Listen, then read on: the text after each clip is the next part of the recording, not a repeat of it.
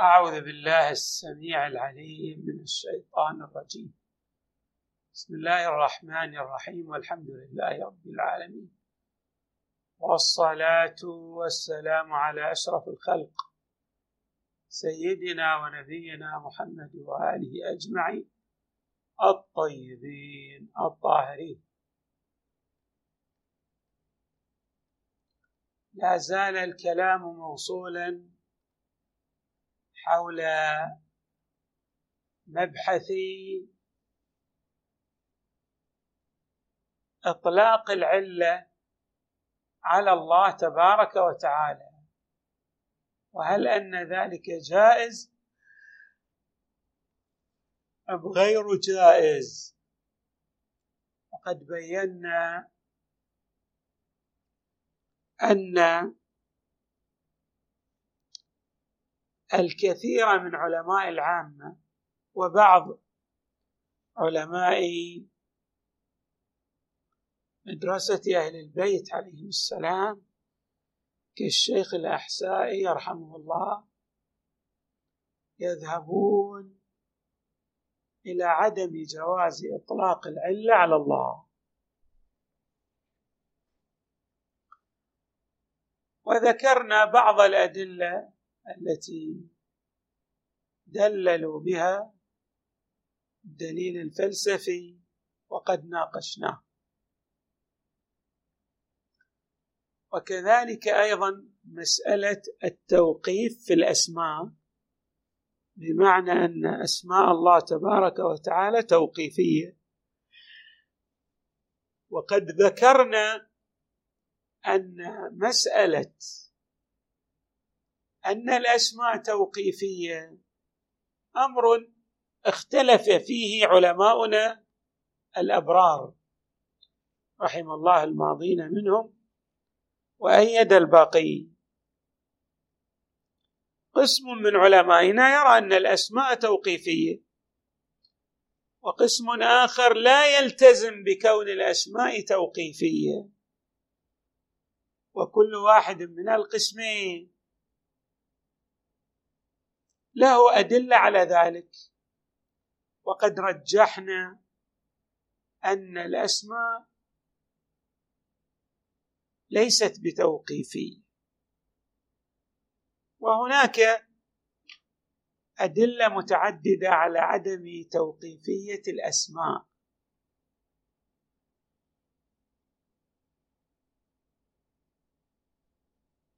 بمعنى أن أنه لا يشترط أن يكون إطلاق الاسم على الله. قد ورد في الكتاب أو السنة. بل يمكن أن نطلق بعض الاسماء على الله من باب إيضاح الفكرة شرح المضمون. لكن الأحسن والأفضل بل الأحوط في باب الادعيه باب الدعاء أن يقتصر الداعي على الأسماء الواردة في الكتاب والسنة. ولكن في باب الشرح والإيضاح الأمر فيه سعة. هناك دليل آخر استعرضه الشيخ الاحسائي يرحمه الله. حري بنا أن نقف عند هذا الدليل. خلاصة هذا الدليل كالتالي إن أطلاق العلة على الله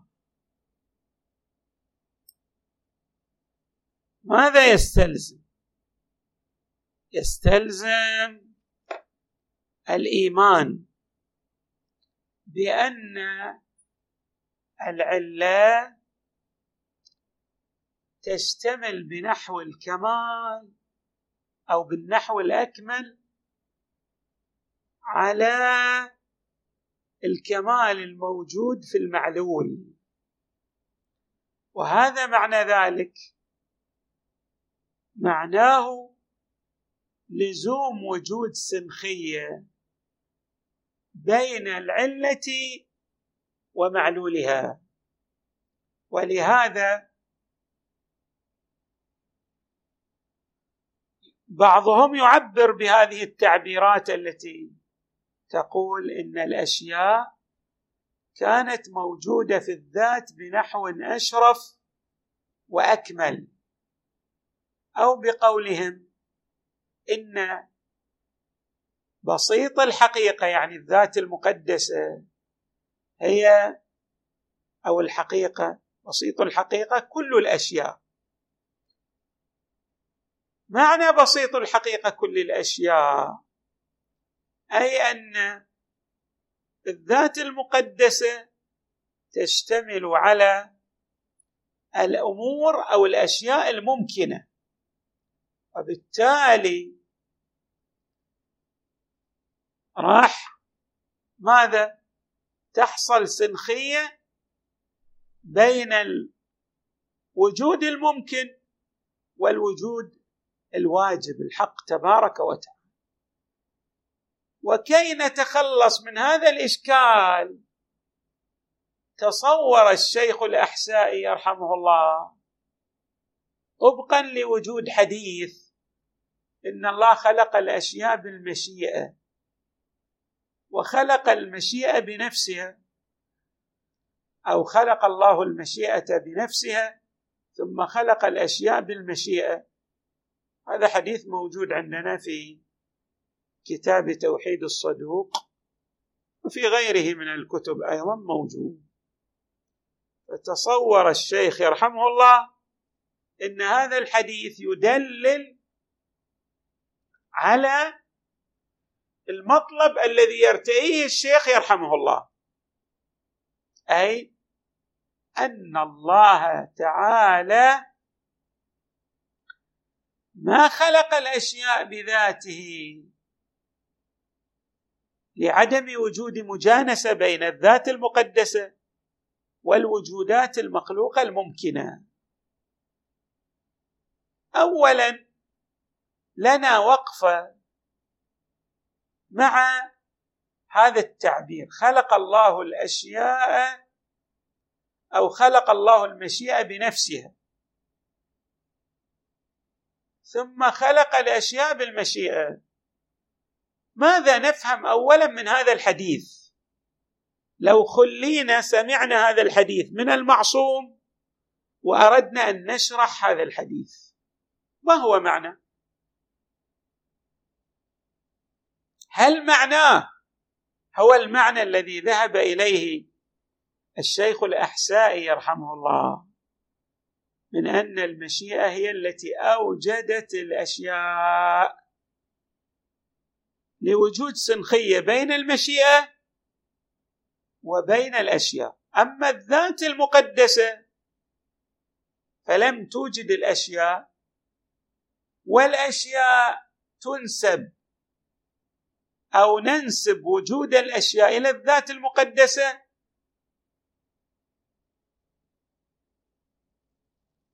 ليس على نحو شنو؟ الإيجاد المباشر إذا صح التعبير. يعني نسبة مجازية.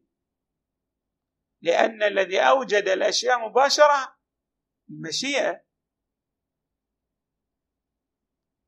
هذا الكلام الذي قاله الشيخ الأحسائي رحمه الله. يرد عليه اولا أن هذه المشيئة هو وجود ممكن هذه المشيئة بعد مو بوجود واجب. فالكلام أن الله كيف أوجد الأشياء؟ تقول أوجدها بنفسها. صح أوجدها بنفسه يعني الحديث ماذا يقول؟ أوجدها بنفسه يعني ما هناك مشيئة ثانية أوجدت هذه المشيئة. لا هذه المشيئة الله تبارك وتعالى أحدثها. بس هذا الحديث اللي يقول حتى لا يلزم التسلسل.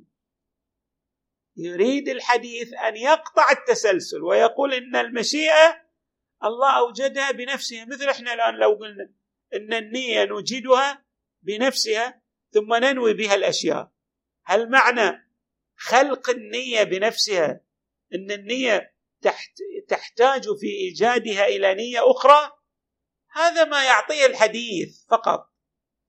يعني الحديث ماذا يقول؟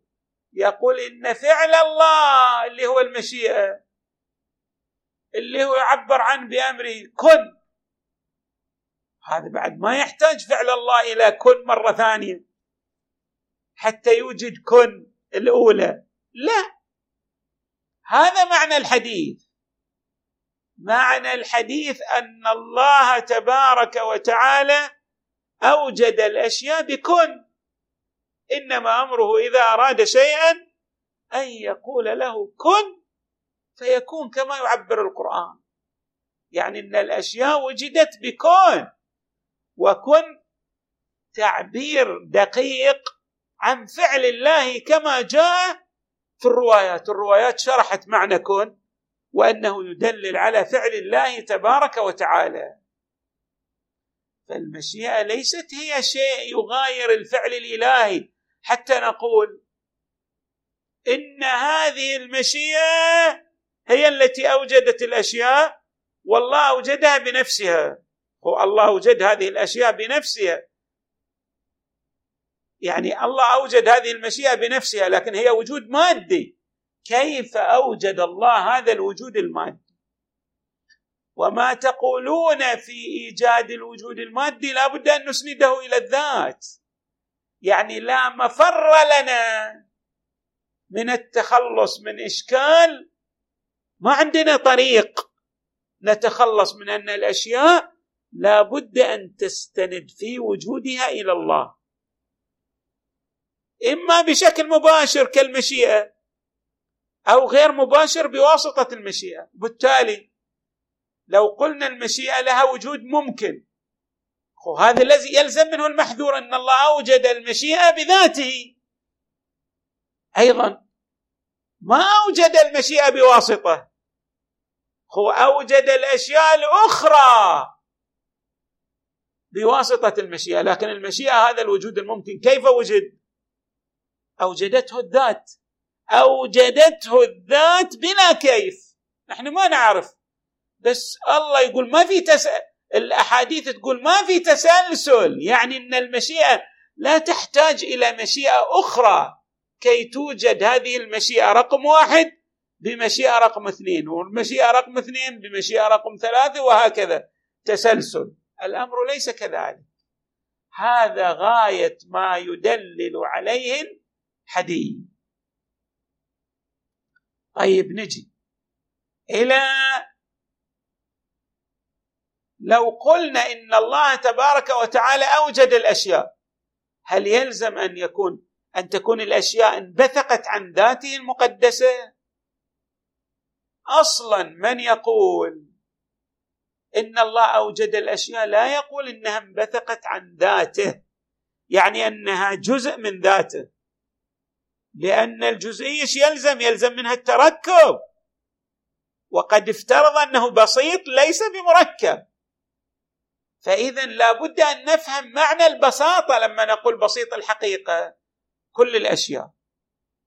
بمعنى أنه يحتوي على الكمال المطلق الذي لا يشذ عنه كمال.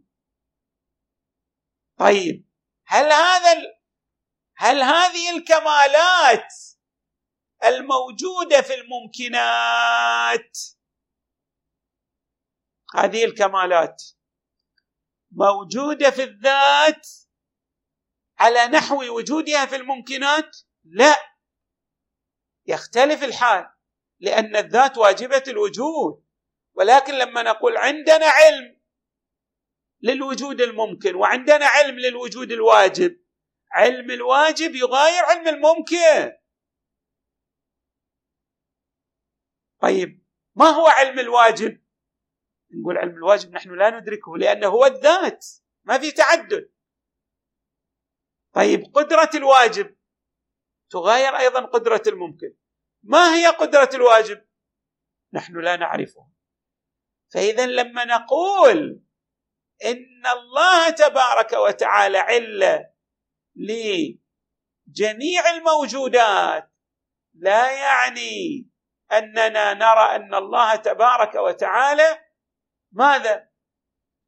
أن الله تبارك وتعالى توجد في ذاته الممكنات كما تصور. من تصور هذا التصور؟ هذا قطعا من يقول ببساطة الذات لا يعني أن الأشياء موجودة أن الممكنات موجودة في الذات. لا الأمر ليس كذلك. نعم. بسيط الحقيقة كل الأشياء نحتاج أيضا أن نقف معه بوقفة. بسيط الحقيقة كل الأشياء. يعني خلاصته ما جاء في بعض الأدعية. يعني أن الأشياء لا شيئية لها إلا به وهذا معنى الحوقلة. وهذا معنى اللي يسميه الفلاسفة كصدر المتألهين الوجود التعلقي. يعني أن حقيقة وجود الأشياء لا يمكن أن يتحقق أن تتحقق هذه الحقيقة إلا بالله. والله لو قطع عنها المدد لزال ما لديها. كما أن الله تبارك وتعالى لو قطع المدد عن أنبيائه عن رسله عن أي وجود من الموجودات لزال ذلك الوجود لأنه لا شيئية لا شيئية لأي شيء من الأشياء إلا بهذا المدد. وهو ما يعبر عنه العلماء بالتعبير العلمي أن العلة المحدثة هي العلة المبقية. لأن هذا المدد يستمر في العطاء. وإلا الله لو خلق الخلق وتركه. لكن الله هذا الخلق يحتاج إلى مدد. من أين يأتي المدد؟ من عند الله. وهو معنى الحوقلة. كما عبرنا لا حول ولا قوة إلا بالله العلي العظيم. اذا الأمر ماذا؟ غاية في الوضوح. بمعنى لما نقول بسيط الحقيقة بسيط الحقيقة كل الأشياء لا يقصد منه كما تصور بعض الناس أن الأشياء توجد في الذات المقدسة لأن محال ذلك ذلك محال. ومن يعبر بأن الأشياء موجودة في الذات كوجود مثلا الشجرة في النواة هذا تعبير تقريبي وليس تحقيقي. يعني يوضح أن الأشياء لا شيئية لها إلا بالله تبارك وتعالى. أما أن يكون وجود الممكن في رتبة الذات راح تتحول الذات الواجبة إلى ممكنة أو يلزم التركب. كل هذا يعني لا يمكن الالتزام به. وإنما يراد أن جميع ما لدى الممكنات من كمالات إنما هو جاء من عند الله.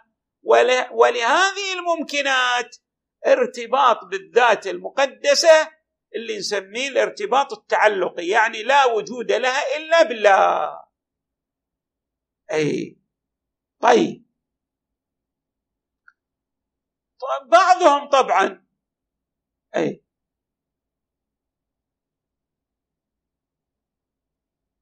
عبر بهذا التعبير. قال إن الأشياء موجودة في الذات بنحو أكمل وأتم. ماذا يريد بنحو أتم وأكمل؟ ها انتبهوا لأن الأشياء الموجودة في الممكن ناقصة. تعبيرنا بالنقص يعني المحدودية بينما العلم الموجود في الله. العلم هو ذاته الذي لا حد له. الألفاظ لا تعطينا أكثر من ذلك لأن الألفاظ ناقصة. أن تعبر إلا بهذا النحو من النقص. ولا يريد من يعبر بنحو أكمل وأتم وأشرف إن هذه الكمالات موجودة في الذات أن هناك تجزئة في الذات وتركب في الذات. تعالى الله عن ذلك علوا كبيرا. أي على كل. فالقول بأن الذات المقدسة تشتمل على جميع الكمالات الإلهية.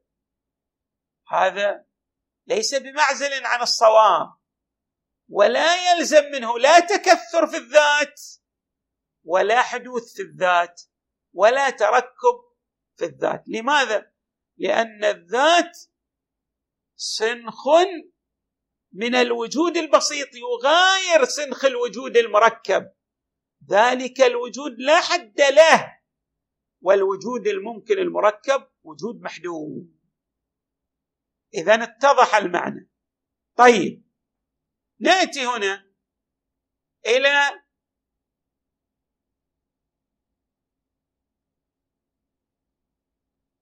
إلى شرح ما يقوله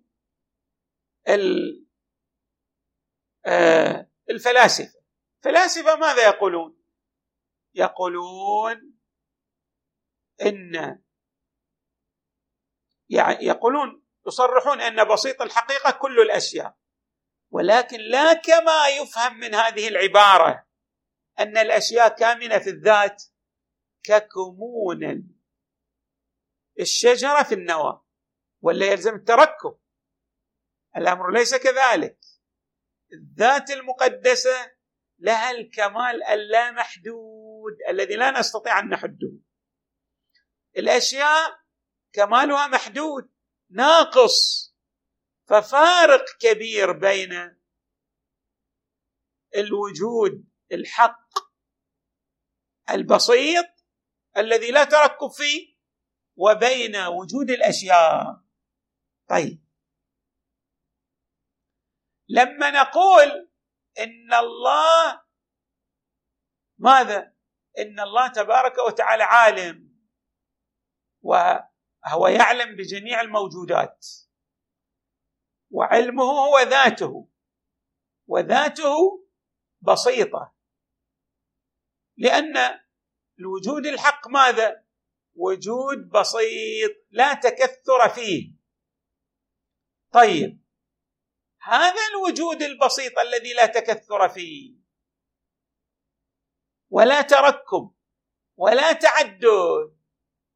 لا يلزم منه القول بالبساطة.